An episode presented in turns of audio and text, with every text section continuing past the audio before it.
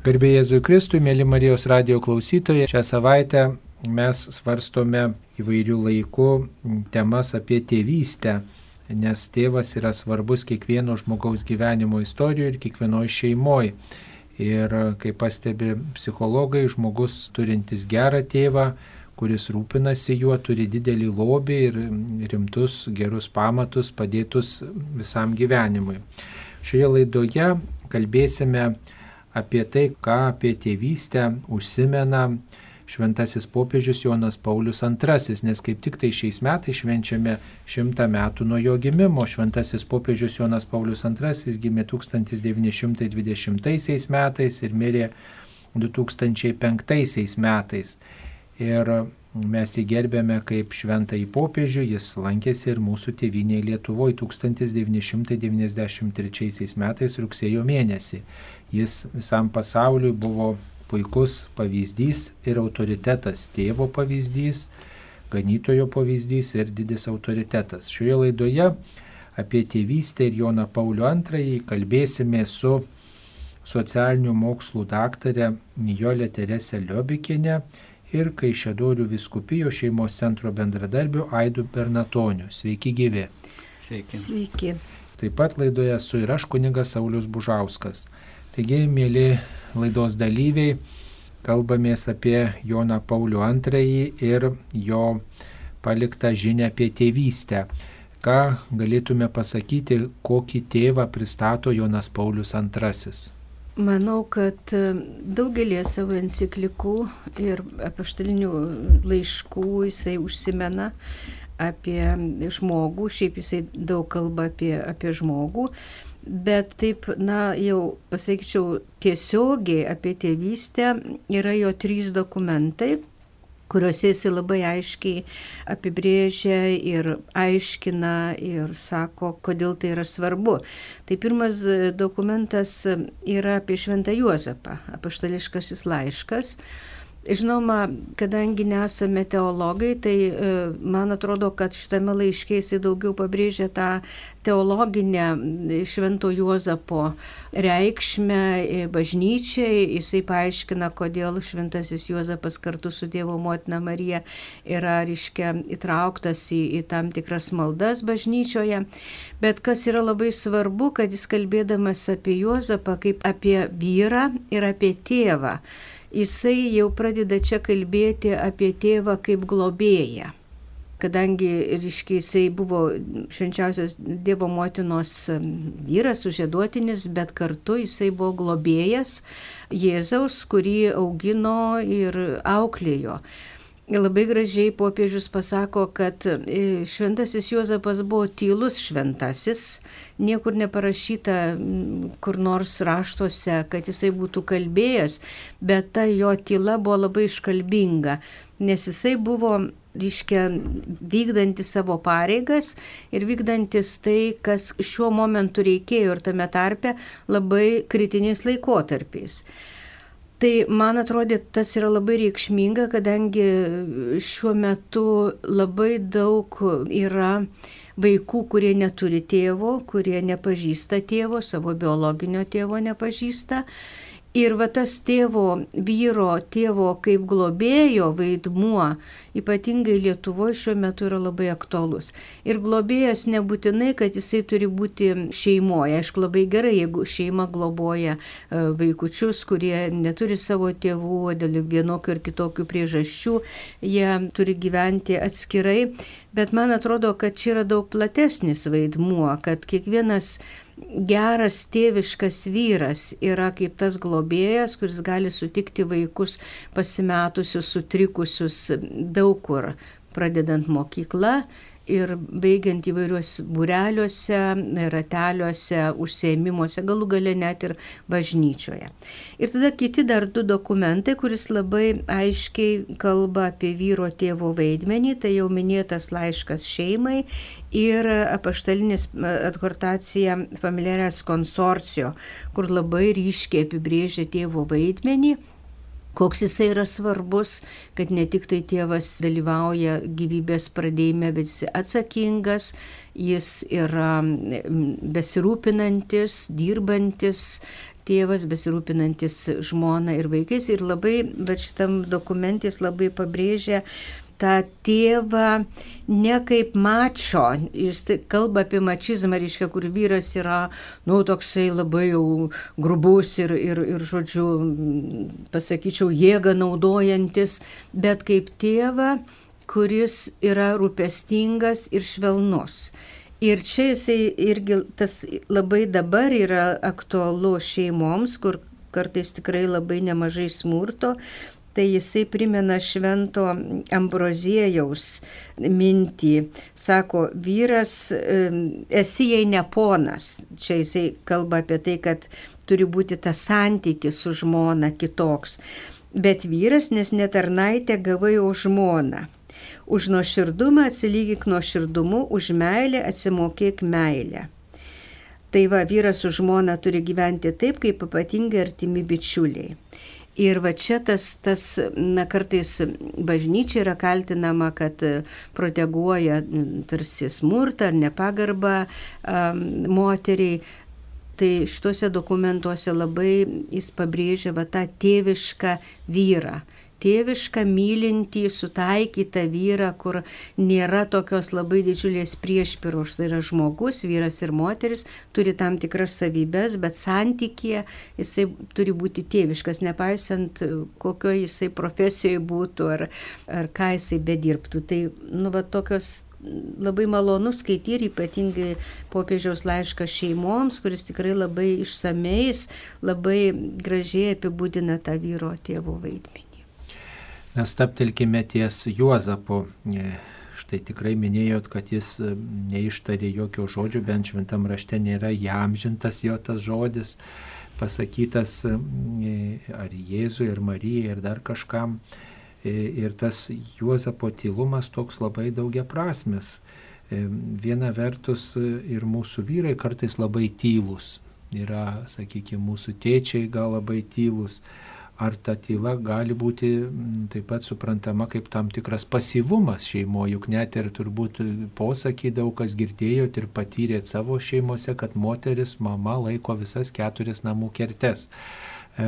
Kaip štai apie tą vyro tylumą, kaip pasyvumą, ką galėtume pasakyti, kaip šią prasme ne, nepriimti švento Juozapo kaip to, kuris yra pasyvus. Štai veikia kažkas, veikia moteris, veikia vaikai, o vyras pasyvus, kaip, kaip tam pasyvumui nepasiduoti. Tai, tai, ką jūs sakote, tai moksliniai tyrimai labai aiškiai rodo, kad tas moters bandymas laikyti visus keturis namų kampus neišeina niekam į gerą. Ir gal iš tiesų, ką popiežius gražiai sako, būtent pasidalinimo, būtent abipusį santyki. Ir kai tas abipusis santykis yra paremtas meilė ir pagarba, tada galima dėl tam tikrų funkcijų susitarti.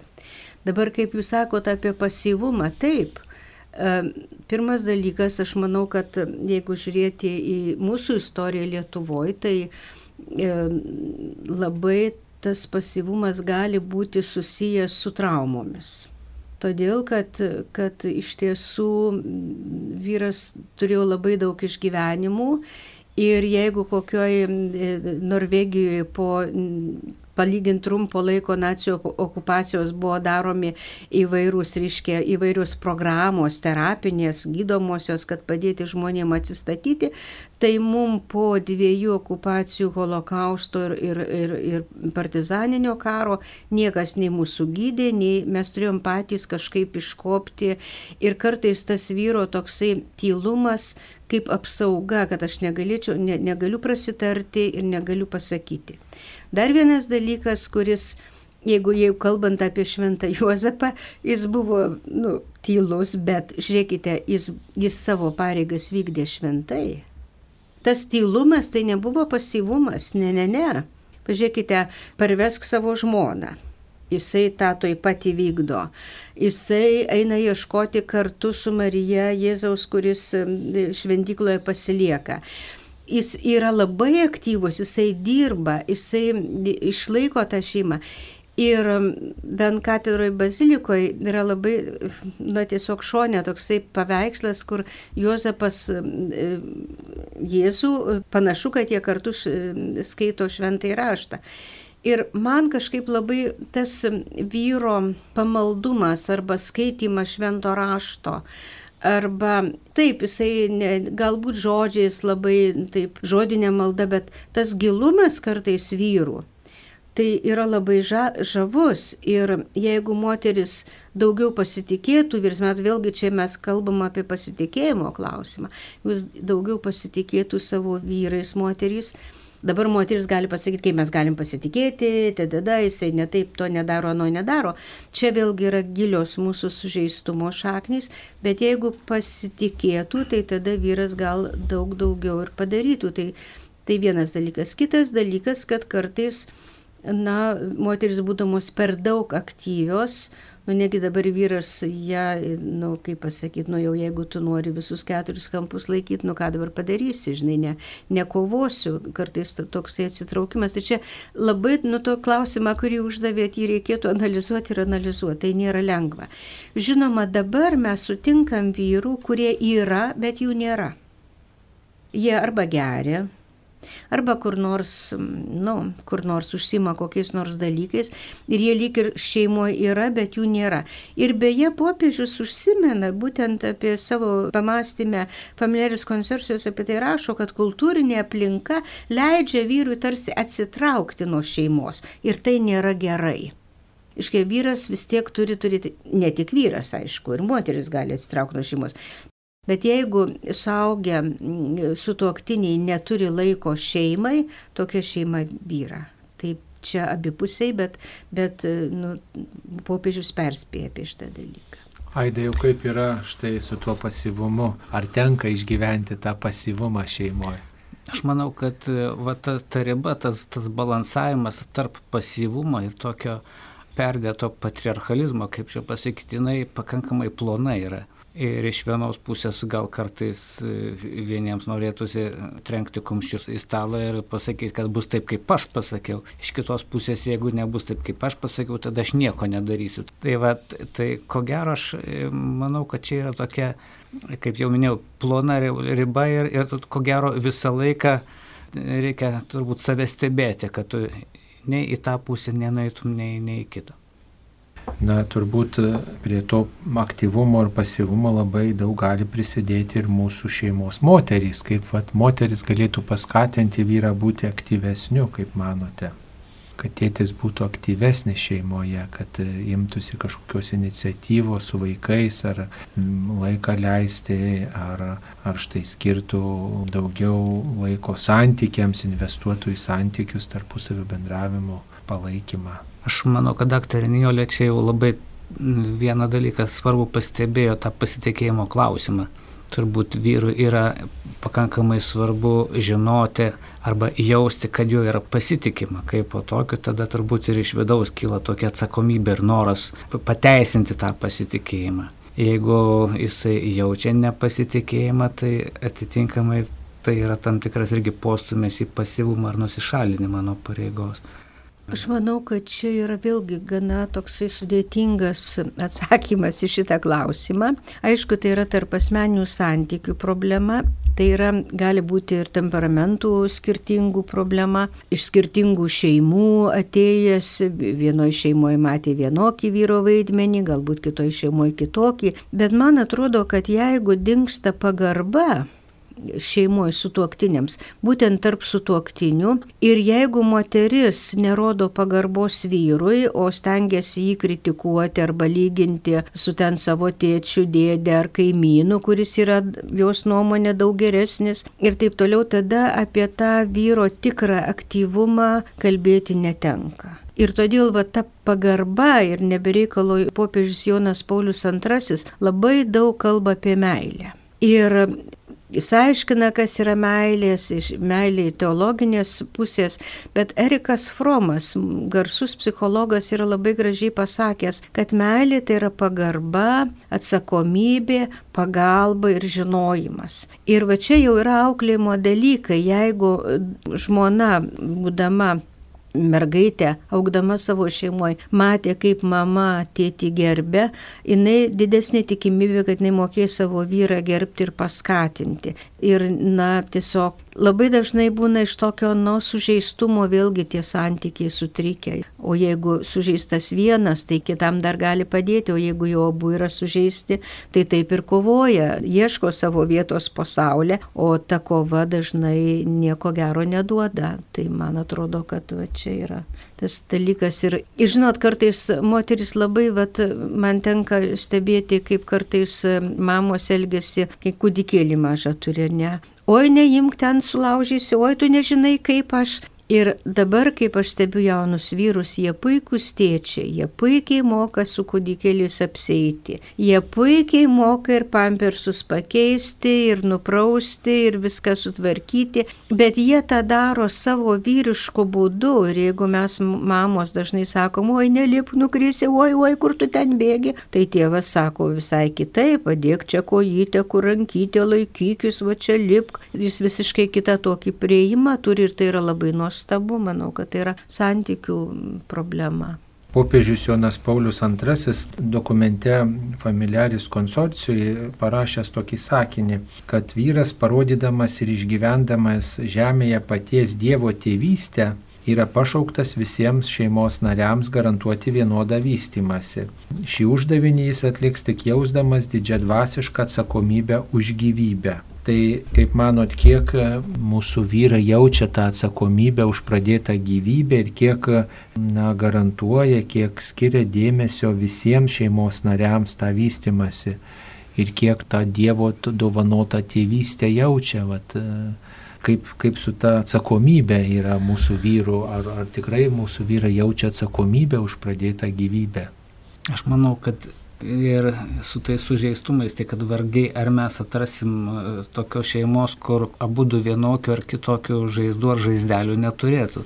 Tai vėlgi tai reikalauja irgi tam tikrų pastangų prisitaikymo ir, ir siekimo. Ir vėlgi atsakant į klausimą, ar mūsų vyrai, nu tai visokių yra tėčių, visokių yra vyrų, turbūt ir jeigu mums turbūt kaip krikščionims visą laiką yra paskata imti kažkokį tai pavyzdį, kažkokį tai orientyrą turėti ir juo sekti, mėginti ten, sakysim, atsakant vat, ir šitą jūsų pacituotą popiežiaus paraginimą ar panašiai permastyti savo paties vaidmenį tame ir, ir dėti pastangas, kad tos praeities žaizdos atsineštos, kad jos nekliudytų nei tėčio ir mamos tarpusavio santykiams, nei, nei vaikams persiduotų.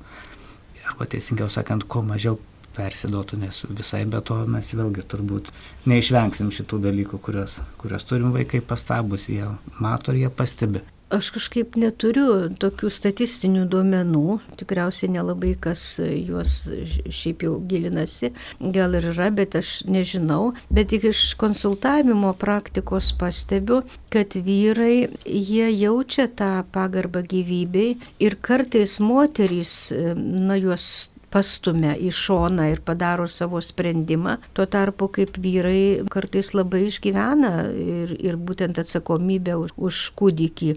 Tai man atrodo, kad šiuo laiku, bet čia yra subjektyvu, reiškia, ne, ne, neturiu tyrimų, bet man atrodo, kad kaip tik tai vyrai labiau išgyvena tą savo atsakomybę už kūdikį, už tai, kad jeigu jis jau pradėtas, tai turi teisę gyventi, bet žinoma, kaip tai sakai, yra visko ir kartais moteris nesijaučia saugi, nesijaučia mylima ir tada visokių kitokių dalykų. O čia labai sunku pasakyti, tas sužeistumas iš tiesų yra labai didelis. Bet kažkaip sovietmečiu tai būdavo moteris tiesiog yra stumiama vyro, kad aš čia nieko dėtas, tu čia dabar kalta, jeigu tu čia dabar laukėsi vaiko ir taip toliau. Tai dabar kažkaip jau šitie dalykai rečiau pasitaiko, bent iš konsultavimo praktikos politikos galėčiau pasakyti. Bet žinoma, čia yra atskira tema, kur reikėtų tiesiog kalbėti apie gyvybės apsaugą. Bet žinoma, jeigu moteris jaučiasi mylima ir saugi šalia vyro, tai, tai tada ir ta gyvybė bus saugi. Vėlgi santykis tarp Man atrodo, žmonės kažkaip labai sunkiai suvokia, kaip tai suvokia, lyg ir suvokia, bet, bet įgyvendina tą va, tarp asmeninio santykio problemą, apie kurią ir popiežius labai daug rašo Jonas Paulius II. Ir juk jis, kaip jūs sakote, tėvystė iš Dievo, ar net irgi yra santykis. Ne?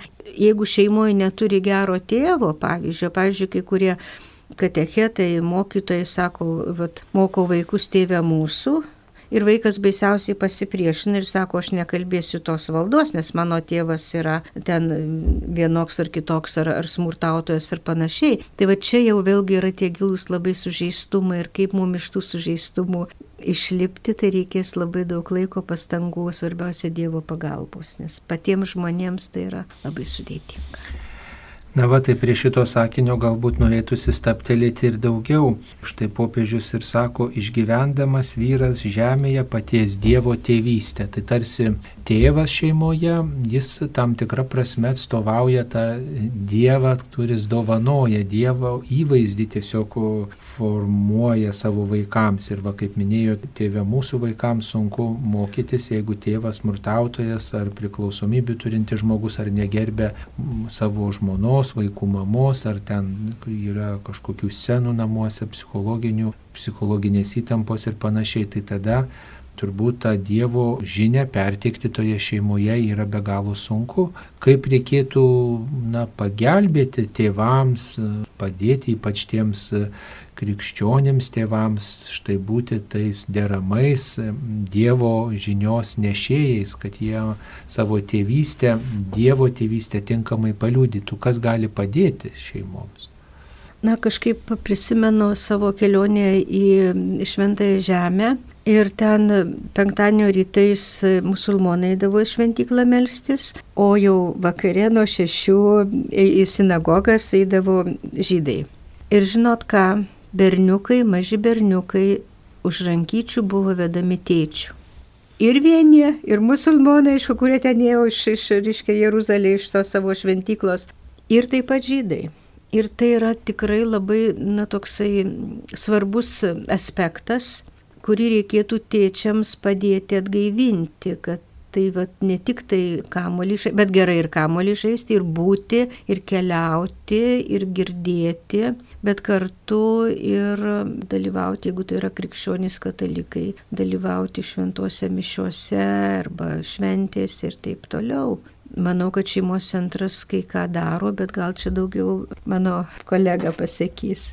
Tiesiog buvo atveju tokių, kai tarp mūsų savanorių dabar yra žmonių iš nedarnių šeimų kilusių, kurie na, nenorėjo pakartoti to, ką savo šeimose matė ir ieško kelio, kokiais jie tėvais galėtų arba turėtų būti ir stengiasi ir yra gražu irgi tas vaizdas yra panašus, kaip jūs minėjot, kada tėtis su vaikais ateina, nu, bet kadangi pas mus vyrai ir moteris kartu meldžiasi bažnyčioje, neina į atskiras, tai jau taip, taip gražiai, gal ir nepamatysim tėtį su, su sunumis, einam šeima kartu, bet pavyzdžių visokių yra. Žmonės, matydami ten tą neigiamą pavyzdį, kiti kaip tik būna inspiruoti to, kad na, aš nenoriu pakartoti to, ką aš mačiau ir kas aš noriu, kad pas mane būtų kitaip. Tai būna ir tokių atvejų. Tai, tai, kad kartais aš pats nerandu atsakymų, kodėl pasitaiko iš krikščioniškų, katališkų šeimų, kad vaikai visiškai nutolsta nuo bažnyčios, e, nors buvo nuo mažo pratinami prie to, kurioje vietoje ten buvo kažkaip taip perspausta ar kažkaip tai netaip su jais pasielgta, nerandu atsakymą iš kitos pusės, matom ir, ir atvirkščių pavyzdžių, kad tai, tai aš atsakymo neturiu, kodėl taip, kodėl taip kartais nutinka. Na, sunku pasakyti. Matote, vėlgi tas Dievo įvaizdis, ar jis buvo pristatytas kaip baudžiančio Dievo, ar kaip Dievo tėvo, kuris yra rūpestingas, mylintis ir mylinti žmogų dėl jo paties, ne dėl ko nors kito. Bet tai, ką tu sakai, visi mes, daugumas tėvų mes esame tą išgyvenę. Bet man atrodo, kad Fauleris čia labai pagodžia tėvus, sakydamas, kad ateina toksai laikas, kada vaikas ieško savo tikėjimo išraiškos būdų ir tada jisai šiek tiek atsitolina, tėvai aišku labai išsigasta, bet jeigu jisai turi pagrindus, tai jisai ir sugrįžta. Tai tas vat, tėvystės, tas tėvo pavyzdys, kuris jis kalba apie, ir ne tik kalba, bet gyvena tuo tikėjimu, kaip ir šventas Juozapas, mažai kalbėjo, bet viską darė, tai vis tiek vaikams yra labai svarbus dalykas. Ir tu sakai vieną dalyką, kad nori kitaip, bet norėti neužtenka. Už tai ta, mokytis kitaip tai šeimos centruose yra programos ir šeimoms, ir įvairių seminarai, ir mokymai, kur šeimos gali ateiti, konsultacijos, kur gali ateiti, norėdami, kad būtų mano šeimoje kitaip arba kad aš išmokčiau kitaip elgtis tai tiesiog gali gauti pagalbą ir, ir prašyti Dievo pagalbos. Ir šiuo metu kažkada buvo toks laikas, kur tu galėjai nueiti, bet ir tai kunigai, klebonai būdavo gana tėviški ir susitikdavo ir pasikalbėdavo, bet nebuvo tokių platesnių galimybių. Dabar tikrai ir šeimos centrai dirba, krūta ir įvairūs visokios tos programos, taip kad, kad jau, jau tos galimybės yra tik tai reikia noro žmonėm. Nebijoti. Žinot, man atrodo, kad Lietuvoje yra ta autoritarnė sistema išauginus tokią baimės atmosferą ir žmonės galva, aš turiu kalbėti taip, kaip reikia. Mano praktikoje, žinau, vienas iš juokingiausių dalykų buvo, kai aš daviau ten tokį užduotį, kurie turėjo diskutuoti ir paskui pateikti atsakymus. Ir manęs klausia, pakelia ranką ir sako, tai dabar jūs čia mums pasakykite, mes čia turime atsakyti, kaip, vat, kaip reikia, kaip katalikam ar kaip iš tiesų mes galvojame. Tai vad, kol žmonės pradės tą laikyti tokį apsimestiną pozą, kaip reikia, bet nekalbės apie tai, ką jie iš tiesų gyvena, nekels klausimų ir neieškos atsakymų, nu tai mes taip ir klaidžiosim aplinkui. Nes, bet čia, aišku, autoritarnės sistemos, mano galva, reliktai. Bet man atrodo dabar, kuomet jaunavežių ruošimo programai, kada jau yra juose pokalbiai, pasidalinimai ir panašiai, jau, jau nebėra tokios baimės gauti ne tą pažymę, ar kad tu negausi jaunavedžių baigimo kursų. Jau iš tikrųjų ta diskusija vyksta ir tie klausimai tokie matosi, kad jau yra paklausti ne dėl to, kad, bet žmonės jau nebebijo klausti. Bent jau aš taip, dirbdami taip, taip. su, kaip savanoriai su jaunavedžiais jau pastebim tokį ėjimą į, į tą pusę. Į tik, tai, tik tai vieną dalyką aš irgi pastebiu, kuris mane neramina, tai būtent kiek tas žmogus, kuris jau eina tuoktis, yra laisvas. Nu, jisai nesupančiotas jo per prievartą juk nevaro, ryškiai tėvai kaip kažkuriais tai laikais Lietuvoje. Bet e, dažniausiai tas psichologinis nelaisvumas. Ir labai matosi kartais sužadėtinių santykiuose, kad bijo pasakyti, nes tada neves, o gal aš jau laukiuosi, o gal aš jau gyvenu kažkiek tai metų, nu, žodžiu, yra labai daug dar tokių, vat, tokių irgi baimių, bet aš manau, kad kuo toliau, tuo, tuo bus atviresnė visuomenė ir labiau pasitikė žmonės vieni kitais ir, ir tuo, ką daro, bet, bet iš tiesų darbo dar daug. Popiežius Jonas Paulius II e, rašo apie atsakingą tėvystę ir motinystę. Atrodo, jeigu tikrai na, ta, su tokia atsakomybė žmonės kuria šeimą ir lanko sužadėtinių kursus ir, ir tikrai išklauso ir paskaitas ir dalyvauja įvairiuose programuose, tai turėtų tos šeimos būti tvirtos ir tų skirybų mažiau, bet nepaisant to vis viena žinom, kad ir skirybų daug ir, ir to smurto pasirodo yra labai daug šeimose ir prievartos daug ir psichologijos psichologinės ir fizinės prievartos ir tų, tų tokių partnerių keitimo, va, kai m, mm, tiesiog keičiasi žmonės šeimose, vaikai turi kelis tėčius, kelias mamas, tai tokie atrodo sunkiai suderinami dalykai. Tai ar čia nebus tai, kad, aiškiai, bažnyčios mintis, popiežiaus mintis eina vienu keliu, o gyvenimas eina visiškai kitu keliu? Aš manau, kad bažnyčia užpildo tą spragą, kuri šiaip yra mūsų visoje švietimo sistemoje parengime ir panašiai. Tai nors ir aštuoni susitikimai dabar yra jaunavedžių ruošime, vis dėlto jie neužpildys tos visos duobės, kurios jie negavo, tarkim, šeimoje, mokykloje ar panašiai. Tai yra mėginimas, kad jie priimtų samoningai šitą turbūt atsakingiausią gyvenimo sprendimą, mano galva. Bet to maža. Tai mokyklos mūsų pilnos visokių programų - chemijos, biologijos, matematikos, fizikos ir ko tik tai nori. Tačiau tai, ką žmonės iš tikrųjų gyvenime darys laimingesniais, juos ir jų vaikus, šitam yra iš tikrųjų tik tai bažnyčia tam ir skiria deramą dėmesį. Tai mano supratimu tol, kol nebus susivokta ir pereita prie šitų dalykų, nu mes kamšysim tas kilės kaip krikščionis, bet to maža, man atrodo. Aš manau, kad daro, aišku, tai nėra daug, ir mūsų ta, ta aplinka, kurioje žmonės užaugo, brendo, vystėsi, jinai nėra palanki. Bet aš manau, kad tai, ką popiežius rašo ir tai, ką ne, ne tik šitas popiežius, ir Paulius VI, ir, ir, ir Benediktas, ir visi popiežiai, tai yra kelio ženklas. Tai yra nurodymas. Tai dabar tu gali nesilaikyti to kelio ženklų.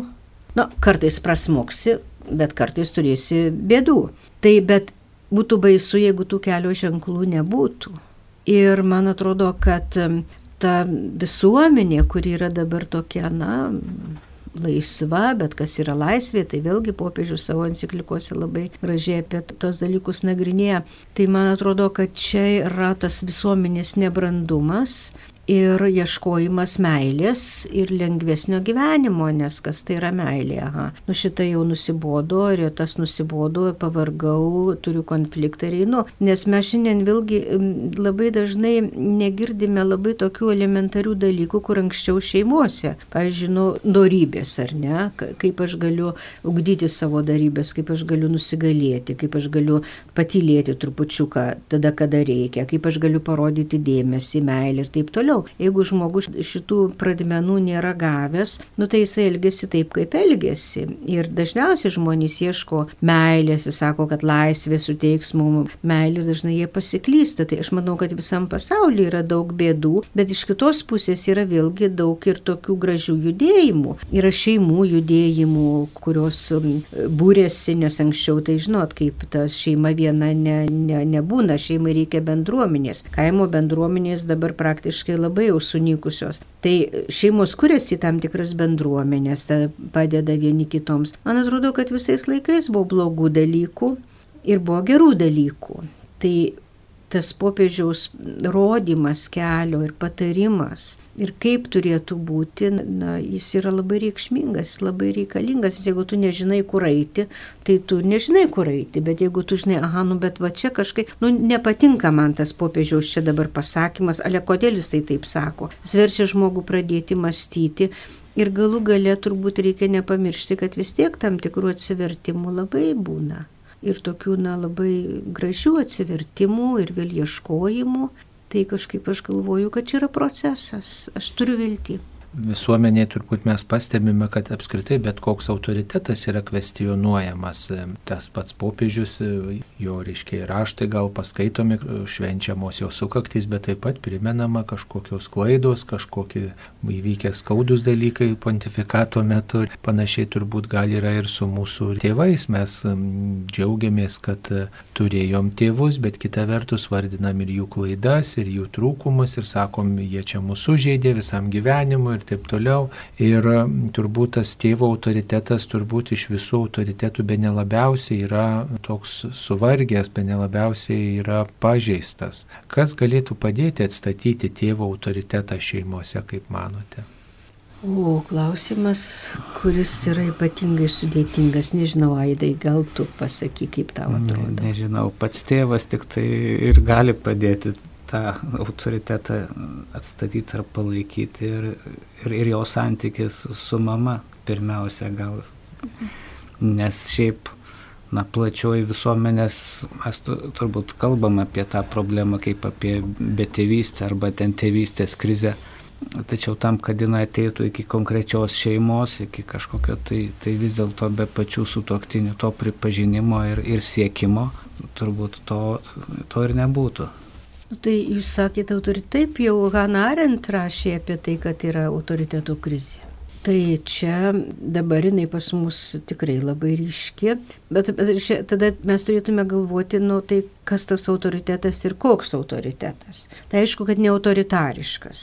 Tas mačio vaizdas arba tėvo, kuris ten jau, kaip tu sakai, trenkia kumščių į stalą ir sako, žinai, kaip pagal žemaitę, ne, ne, ne tas jau čia ne autoritetas. Autoritetas turi būti, jo pagrindas turi būti meilė ir tiesa. Kad tėvas, kuris mylintis, bet kartu ir teisingas. Ir kuris iš meilės suteikia vaikui tam tikros laisvės, nu tada, kada jisai gali jau prisimti atsakomybę ar ne, bet kartu ir pasako, kad, nu, va čia, va tam tikri dalykai, tai nėra ta tikroji meilė nes, ir laisvė. Ir man toks dabar atėjo į galvą tas tėvo autoritetas, tai man iš Evangelijos tas tėvo autoritetas tai yra tėvas, kuris laukia savo sūnaus, kuris pareikalavo savo dalies ir viską e, išmėtė ir grįžo, nuskūręs ar ne, bet tėvas jo vis tiek laukia, jį priima ir jį myli. Tai vat, man tai toks tėvo. Ir jeigu ko gero šeimose toks tėvo autoritetas būtų, ko gero viskas labai gražiai keistusi. Dabar vėlgi, kai jūs klausėt, ką daryti, nudarom, ką galim. Ir aš matau iš tiesų netgi ir jaunų tėčių, ir jaunų porų, kuriuose tas santykis yra ugdomasis. Ir, ir kartais dirbant su jaunom šeimom labai gražiai pasako, kad aš ne, neturėjau, neturėjau gero pavyzdžio labai gero, kaip aš, bet, nu, bet vis tiek aš turėjau tėtį, bet aš noriu būti kitoks. Aš noriu va dabar kitaip. Ir tada mes kalbam apie tai, o kaip kitaip, ar ne, o kaip čia dabar tas problemas spręstis. Tai man atrodo, kad iš tų agonos grūdelių niekas nevyksta staiga, bet žingsnelis po žingsnelio ir kažkaip aš galvoju, kad ta viltis yra ir žmonės mokosi stengiasi ir, ir tam tikri rezultatai kada nors bus. Aišku, bus, bus labai daug skausmingų dalykų. Nes va, tas sąlyginė meilė pas mus yra. Aš mylėsiu savo sūnų, jeigu jis ten bus čempionas, arba jis labai gabus, arba jis labai gražus, arba savo dukrą ten. Bet tu negali taip mylėti, tai nėra meilė, tai yra, tai popiežius gražiai apie tai rašo, kad tu turi besąlygiškai priimti tą vaiką dėl jo paties ir mylėti tokį, koks jis yra. Ir tada padėti jam aukti, tas padėjimas aukti. Man labai gražu Du dalykai, ką jūs klausėte. Vienas dalykas, kad mes kartais bandom visas bėdas rasti ką apkaltinti ir patys nejudinti nei piršto. Ah, mano tėtis buvo blogas, mama ten irgi buvo šokia tokia, mane sužeidė ir aš dabar, vad visi manęs gailėkit. Nieko panašaus. Tai jeigu jau supranti, kad taip įvyko, tai tada turi daryti kitus žingsnius, kad išeitum iš tos situacijos. Tada bus ir žmogiška, ir pagarbu, ir atsakinga.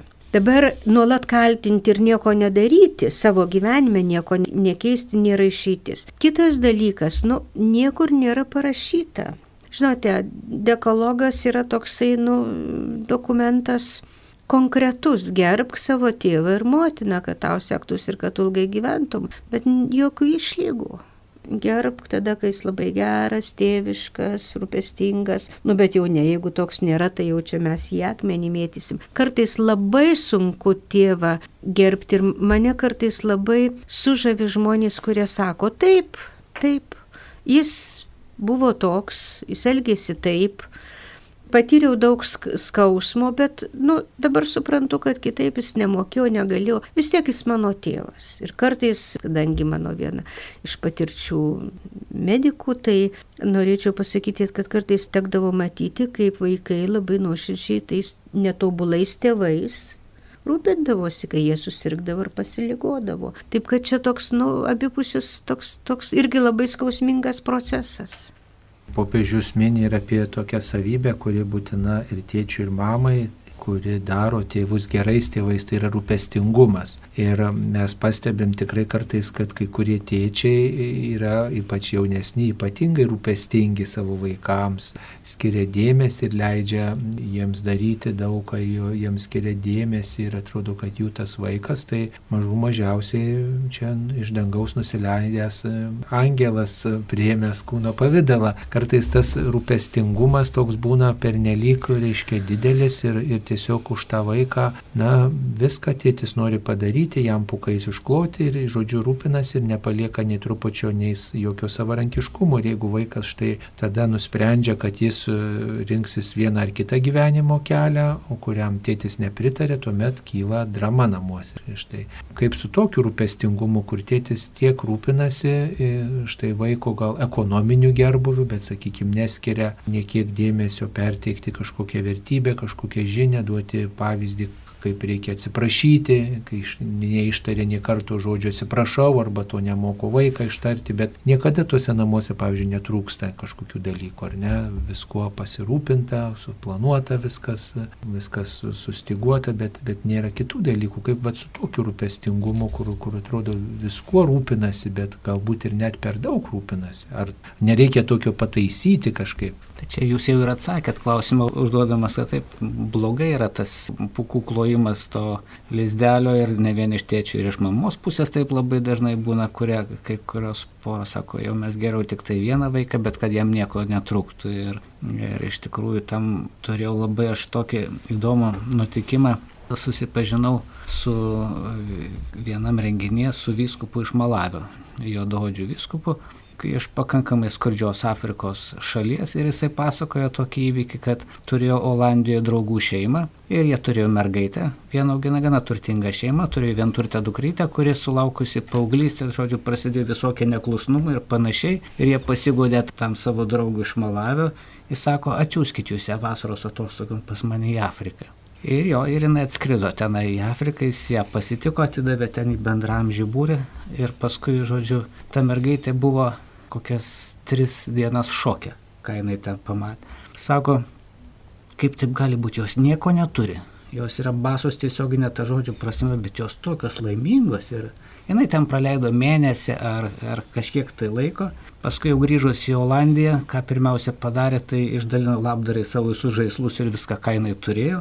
Toliau pradėjo savanoriauti. Galų gale baigusi mokyklą jinai įstojo į medicinos studijas jinai pati savarankiškai dirbdavo slaugę ligoniniai ir pati nuomavosi būtą ir jos tėvai sakė, kam tau reikia, mes tau galim nupirkti viską, mes tau galim atnešti ten ir paduoti. Ir jinai tada ištekėjo, turi keletą vaikų. Tai vieno, kur irgi mama klausė, kam tau ten tas trečias ar ketvirtas vaikų, tu gyvarksi. Sako, mama, tu nesupratai vieno dalyko, sako, kad man ne šito reikėjo, man brolių ir seserų reikėjo šeimoje, o ne to viso lepinimo, kurį aš turėjau. Tai vadinai, pamačius, kaip žmonės gali būti laimingi tiesiog gausiau šeimoje būdami, kad ir nieko neturėdami laimingesni negu būdami visko pertekę. Tai man buvo labai įdomu išklausyti tą liūdėjimą to e, afrikiečio Malavio. Tai manau, kad jisai tinka visoms šalims ir, ir mūsų tėviniai taip pat, kad vaikui ne, ne šito reikia ir tie žaislai jiems pastebėkit, labai greitai atsibosta, pamatysit, dabar niekada vaikai tiek žaislų neturėjo, kiek dabar, kad jie turi,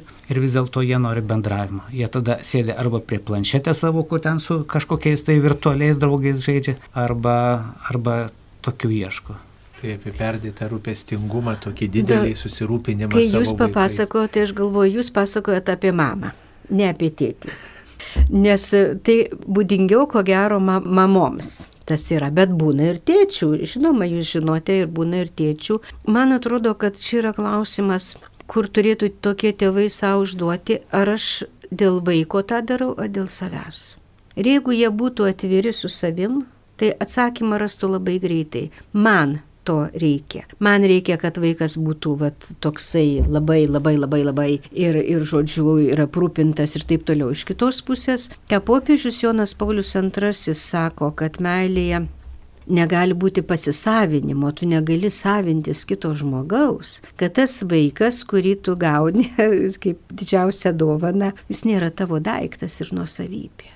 Tėvų pareiga padėti jiems užaukti padėti tapti gerai žmonėm. Galų gale, žinote, kartais man labai keista, kai žmonės labai e, keistai interpretuoja na, e, įvairius posakius ir, ir patarės. Už vieną muštą dešimt nemuštų duoda, tai reikia vaiką mušti. Atsiprašau.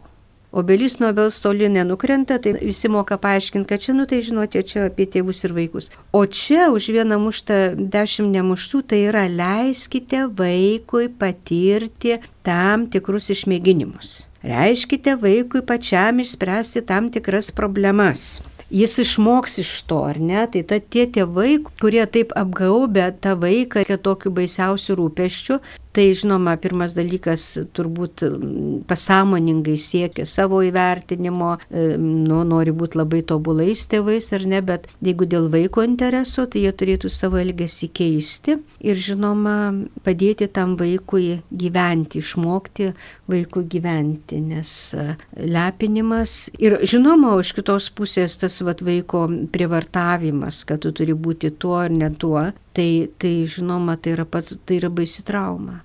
Tai yra baisi trauma ir, ir, ir tenka susiturti žmonių, kurie buvo įsigijo vienokią ar kitokią profesiją dėl to, kad tėvai labai norėjo. Tėvai norėjo įgyvendinti savo pačių neišsipildžiusią svajonę ir perkelti ant vaiko. Tai čia yra e, konfliktas, aišku, užkoduotas ir be abejo toks žmogus jis nėra laisvas vaikas nėra laisvas, negali padaryti savo pasirinkimo. Tėvai jam pasako, aš žiūrėjau tokia gerai išlaikomo, dabar negražiai pasakysiu, bet tokia mintis ateina, nu, gerai aprūpinto vergo statusas. Aš tave viskuo labai gerai aprūpinu, bet tu nieko negali, tu turi daryti tai, ką aš tau pasakiau. Na, nu, jeigu Dievo santykis su mumis toks būtų, tai jau šakės tada. Tai man atrodo, šitoje vietoje tas grįžtant prie Švento Juozapo pavyzdžio, tai vėlgi galima jį kaip pavyzdį paimti, nes, kaip jūs sakėt, vaikas nėra mano nuosavybė. Tai ta Juozapas suvokia, kad tai nėra jo nuosavybė, jo reikalas nepadaryti už jį tobulesnę dailydę, negu jisai pats buvo, bet jį išauginti, išmokyti, perduoti tai, ką jisai turi ir leisti jam atlikti savo misiją žemėje, dėl ko jisai čia buvo siūstas. Tai turbūt kiekvieno tėvo santykis su vaiku toks turėtų būti. Ačiū, mėly laidos dalyviai, mėly Marijos radio klausytojai. Šioje laidoje kalbėjomės apie tėvystę pagal Joną Paulių II ir kalbėjomės, kaip koks galėtų būti tėvas, štai pagal bažnyčios mokymą, kokių savybių galėtų jisai turėti. Šioje laidoje dalyvavo socialinių mokslų daktarė Nijolė Teresė Liobikinė ir Kaišėdorių viskupijos šeimos centro bendradarbis Aidas Bernatonis. Juos kalbinau aš, kunigas Saulis Bužauskas. Visiems linkiu daug džiaugsmo šeimoje ir tėvystės atradimo patirties. Būkite palaiminti, sudė. Sudė. sudė.